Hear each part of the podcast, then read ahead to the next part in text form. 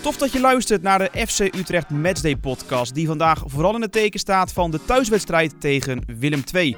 We zijn aanbeland in de achtste speelronde van de Eredivisie. Voor Utrecht het zevende duel op zondag.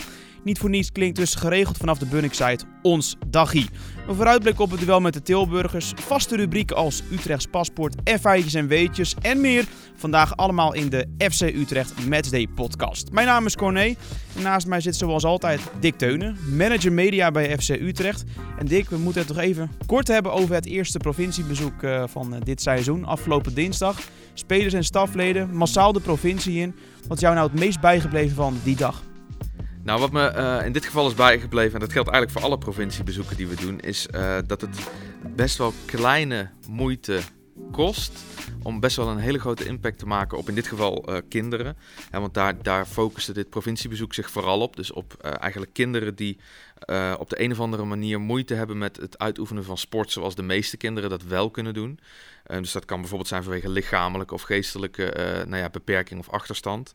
Um, en dan zie je gewoon dat ja, een uurtje aanwezigheid bij wijze van spreken van Jean-Christophe Bayebeck, dat dat voor zo'n kind al, al ja, een maand lang een glimlach op het gezicht oplevert eigenlijk. En dat vind ik iedere keer als we zo'n provinciebezoek doen, en dat doen we zo'n keer of vier per seizoen, dan sta ik er toch weer versteld van, van ja, hier zijn we toch wel met z'n allen toe in staat om, om ja, mensen hun dag, hun week, hun maand, misschien wel hun jaar te maken eigenlijk. En dat met zo'n kleine, kleine inspanning eigenlijk. Dat vind ik altijd heel mooi. Ja, en wat voor uh, ja, foto's en video's levert dat zoal op? Waar ben, waar ben je dan trots op? Nou, wat altijd wel, we vinden het leuk dat we het doen. En we doen het uh, vanuit het hart, noemen we dat hier dan hè, bij FC Utrecht. Um, maatschappelijk is het toch wel een van de pijlers uh, binnen de club.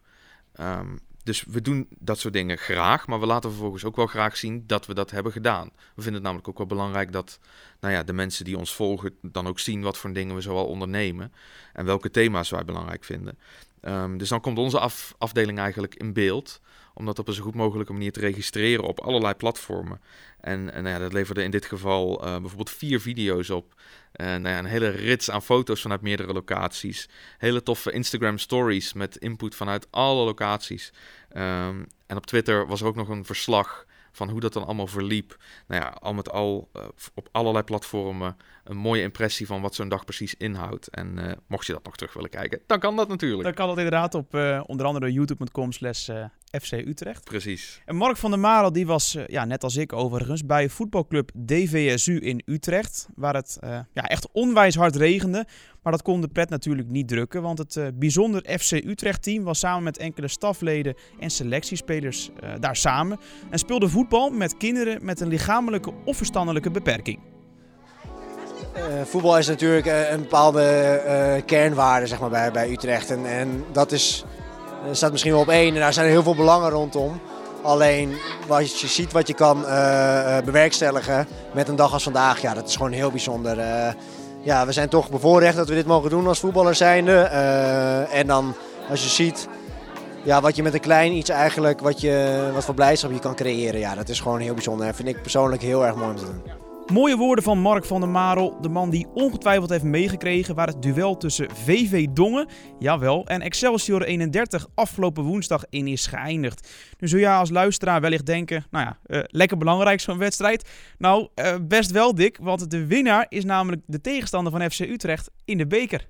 Ja, dat is waar. Dus wij kregen afgelopen woensdag te horen of het eh, Dongen of Excelsior 31 uit Rijssen zou worden. En uh, die laatste club is het geworden. En uh, dat met name dankzij Boy Boulurditi. Hij maakte namelijk twee goals voor zijn team. En aangezien Dongen er maar één maakte, betekende dat dat Excelsior 31 won. En dat betekent dan weer dat FC Utrecht daar op 31 oktober op bezoek gaat, die dag. De wedstrijd begint om half zeven. En uh, binnenkort komt er meer informatie uh, online over bijvoorbeeld de kaartverkoop voor, uh, voor die wedstrijd. In ieder geval kijken ze er bij Excelsior 31 behoorlijk naar uit. Ja, FC Utrecht, ik denk, je hebt niks te verliezen zo'n wedstrijd. Utrecht is een club uit de eredivisie. ik denk dat wij gewoon lekker moeten genieten, wel proberen ons eigen spelletjes te spelen. Maar kijk, wij zijn niks verplicht tegen FC Utrecht. Zij zijn verplicht om die wedstrijd te winnen. Dus ik denk dat wij vrijheid kunnen voetballen. Maar ik denk ook dat het extra leuk is voor de club. Utrecht thuis weer zo'n mooie ambiance zijn. ook mooi voor, voor Excelsior zelf. En lekker bij ons thuis in reizen. Dus nee, dat belooft alleen maar, alleen maar goed. Van het dankbare provinciebezoek van FC Utrecht en feestvreugde bij Excelsior 31 gaan we naar Utrechts Paspoort. De rubriek waarin we testen hoeveel kennis jij hebt over in dit geval een speler die zowel bij FC Utrecht als Willem II heeft gespeeld. Nou Dick, ik weet nog in voorgaande podcast uh, dat jij uh, geregeld uh, een, een, speler naar voren liet komen met een Surinaamse achtergrond. Wat is er vandaag uit de hoge hoed getoverd? Nou, in dit geval gaat het in ieder geval niet om iemand die in Paramaribo is geboren. Oh, Oké, nee, leuk. Een echte Utrechter zelfs zijn we naar op zoek. Oh? Een echte Utrechter, ja. Um, een Utrechter die in het seizoen 77-78 bij AZ 67, zoals dat toen nog heette, heeft gespeeld in de eredivisie. Daarna een behoorlijke periode heeft doorgebracht bij FC Den Bosch in zowel de eerste divisie als de eredivisie. En vervolgens heeft hij nog gespeeld bij FC Utrecht en de tegenstander van dit weekend Willem II. En nu ben ik natuurlijk benieuwd, als je zit te luisteren, of je hier dan al een naam aan kunt koppelen. En ik kan dat in ieder geval wel, maar die hou ik nog even voor me. Nou, die hou je nu nog even voor je, maar later in deze podcast dan wordt natuurlijk bekend wie wij zoeken.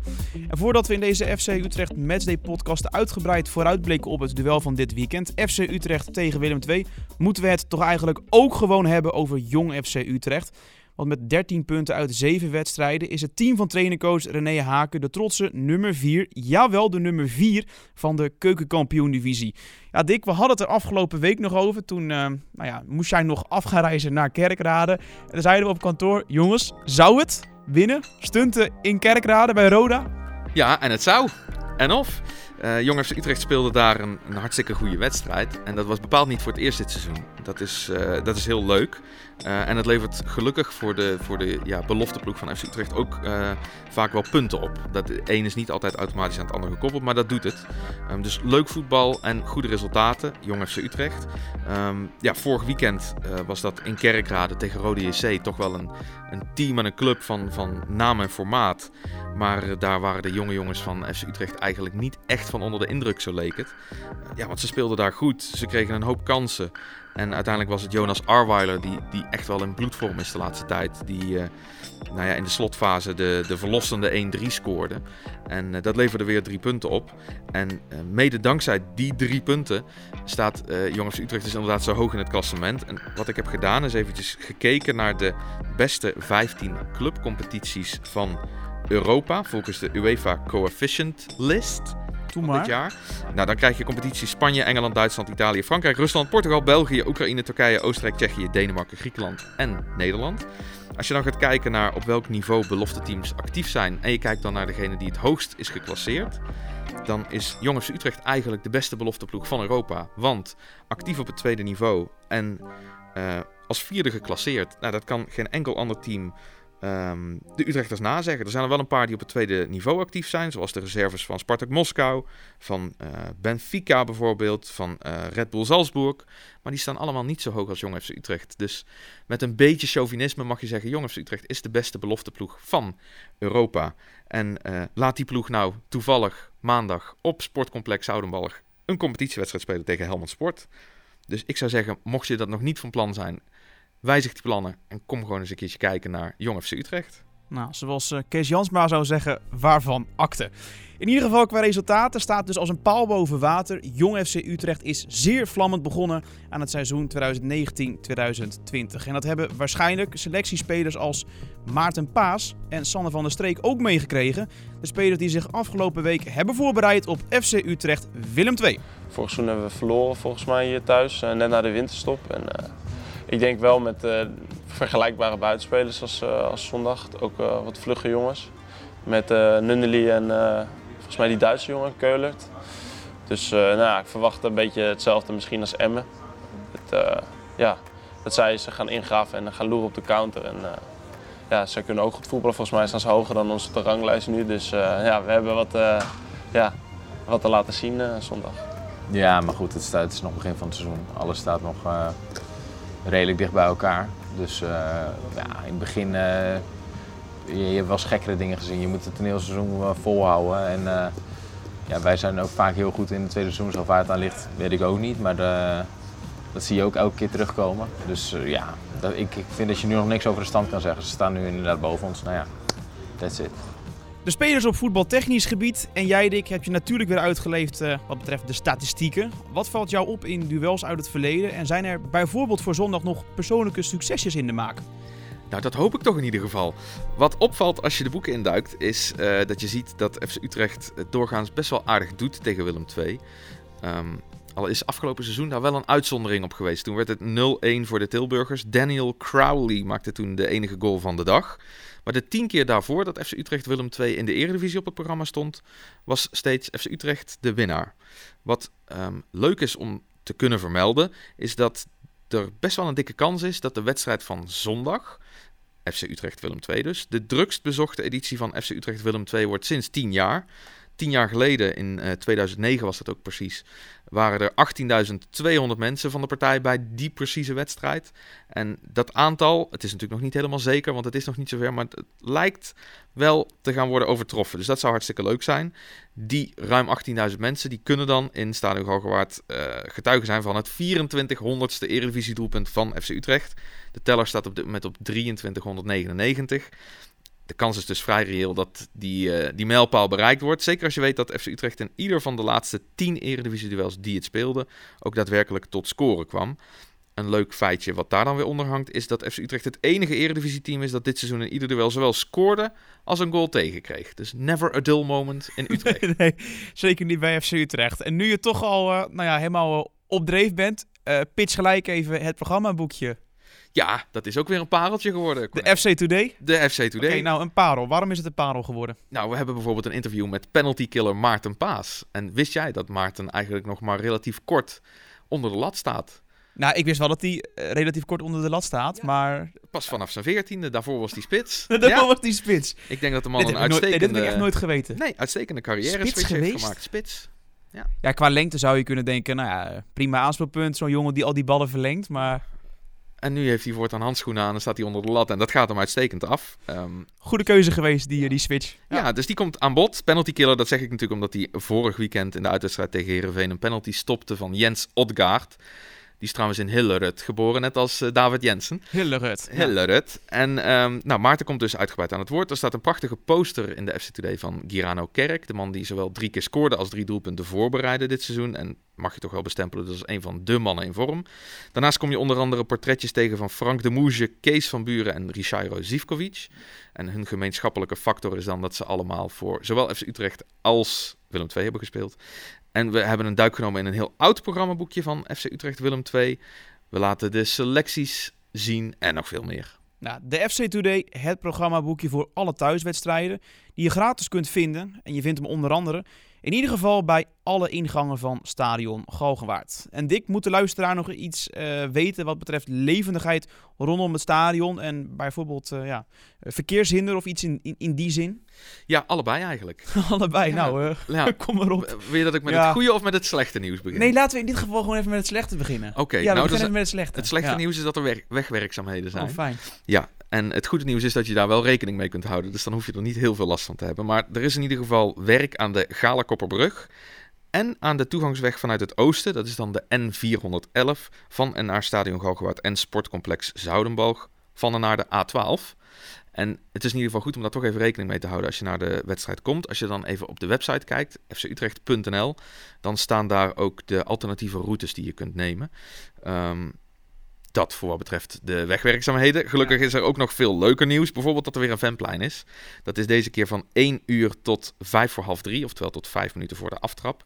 En Broekies Verhuur zorgt voor een omhaalarena, een mega voetbalschijf, doelschieten in beker en voetbalboarding. Dus dat kun je lekker mee uitleven. En als je dan liever um, een potje voetbal speelt op een console in plaats van in het echt, dan kan dat ook. Want je kunt FIFA 20 spelen tegen Jay Daalhuizen en Christian van der Mark. Dat zijn de e-sporters van FC Utrecht.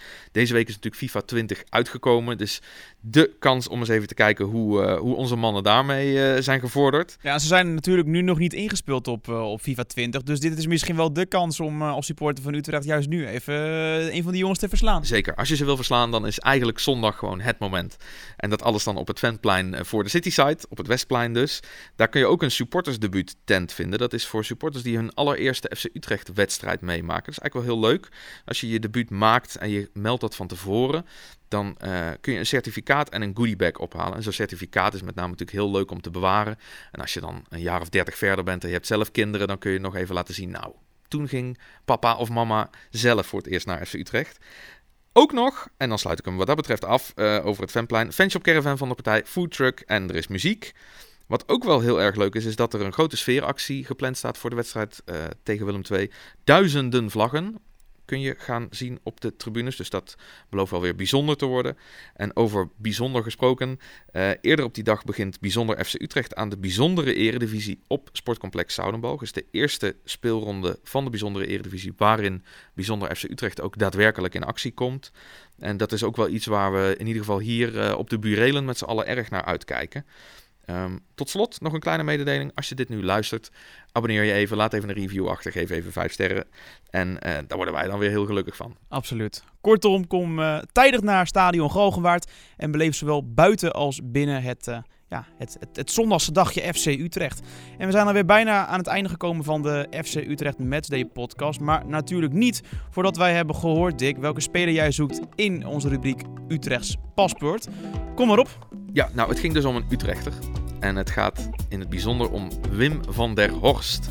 En Wim van der Horst die speelde in totaal 303 wedstrijden als prof waarin hij 61 keer scoorde. Doelpunten maken deed hij trouwens niet voor Utrecht. Kwam hij tot 17 wedstrijden, 0 goals. Willem II, 23 wedstrijden, 3 goals. Zijn ja, finest hour mogen we wel zeggen. Daar wordt hij trouwens nog steeds iedere dag aan herinnerd en op aangesproken. Met name in Sertogenbos en omstreken is de wedstrijd FC Den Bosch Ajax van het seizoen 83-84. Die wedstrijd eindigde in 3-0 en alle drie de doelpunten werden die dag gescoord door Wim, en in Den Bosch zeggen ze dan Wimke, van der Horst. Um, dit is een echte Utrechter, speelde nog voor Sint Maarten, dat nu bekend staat als Sporting 70. En hij is nog altijd in het voetbal actief. Hij is tegenwoordig namelijk scout van FC Den Bosch. Mooi zeg. Nou, ja. dat dacht ik. Ja, je zei net al uh, terecht uh, uh, dat we het leuk vinden als mensen zich inderdaad abonneren op deze podcast. doe dat ook zeker. En ja, wij ontvangen ook zo nu en dan berichtjes over de podcast. En horen ook graag wat jou wel of in mindere mate aanspreekt. Meedenken en praten, dat kun je doen door op Twitter de hashtag FC Utrecht podcast te gebruiken. En mailen, dat kan ook. Misschien nog wel, wel makkelijker. Dat doe je naar socialmedia.fcutrecht.nl En dit was hem dan alweer, de FC Utrecht Matchday podcast. Zaterdag 19 oktober, dan zijn we er weer. Voorafgaand aan FC Utrecht tegen PSV. Bedankt voor het luisteren en Dick. Tot de volgende.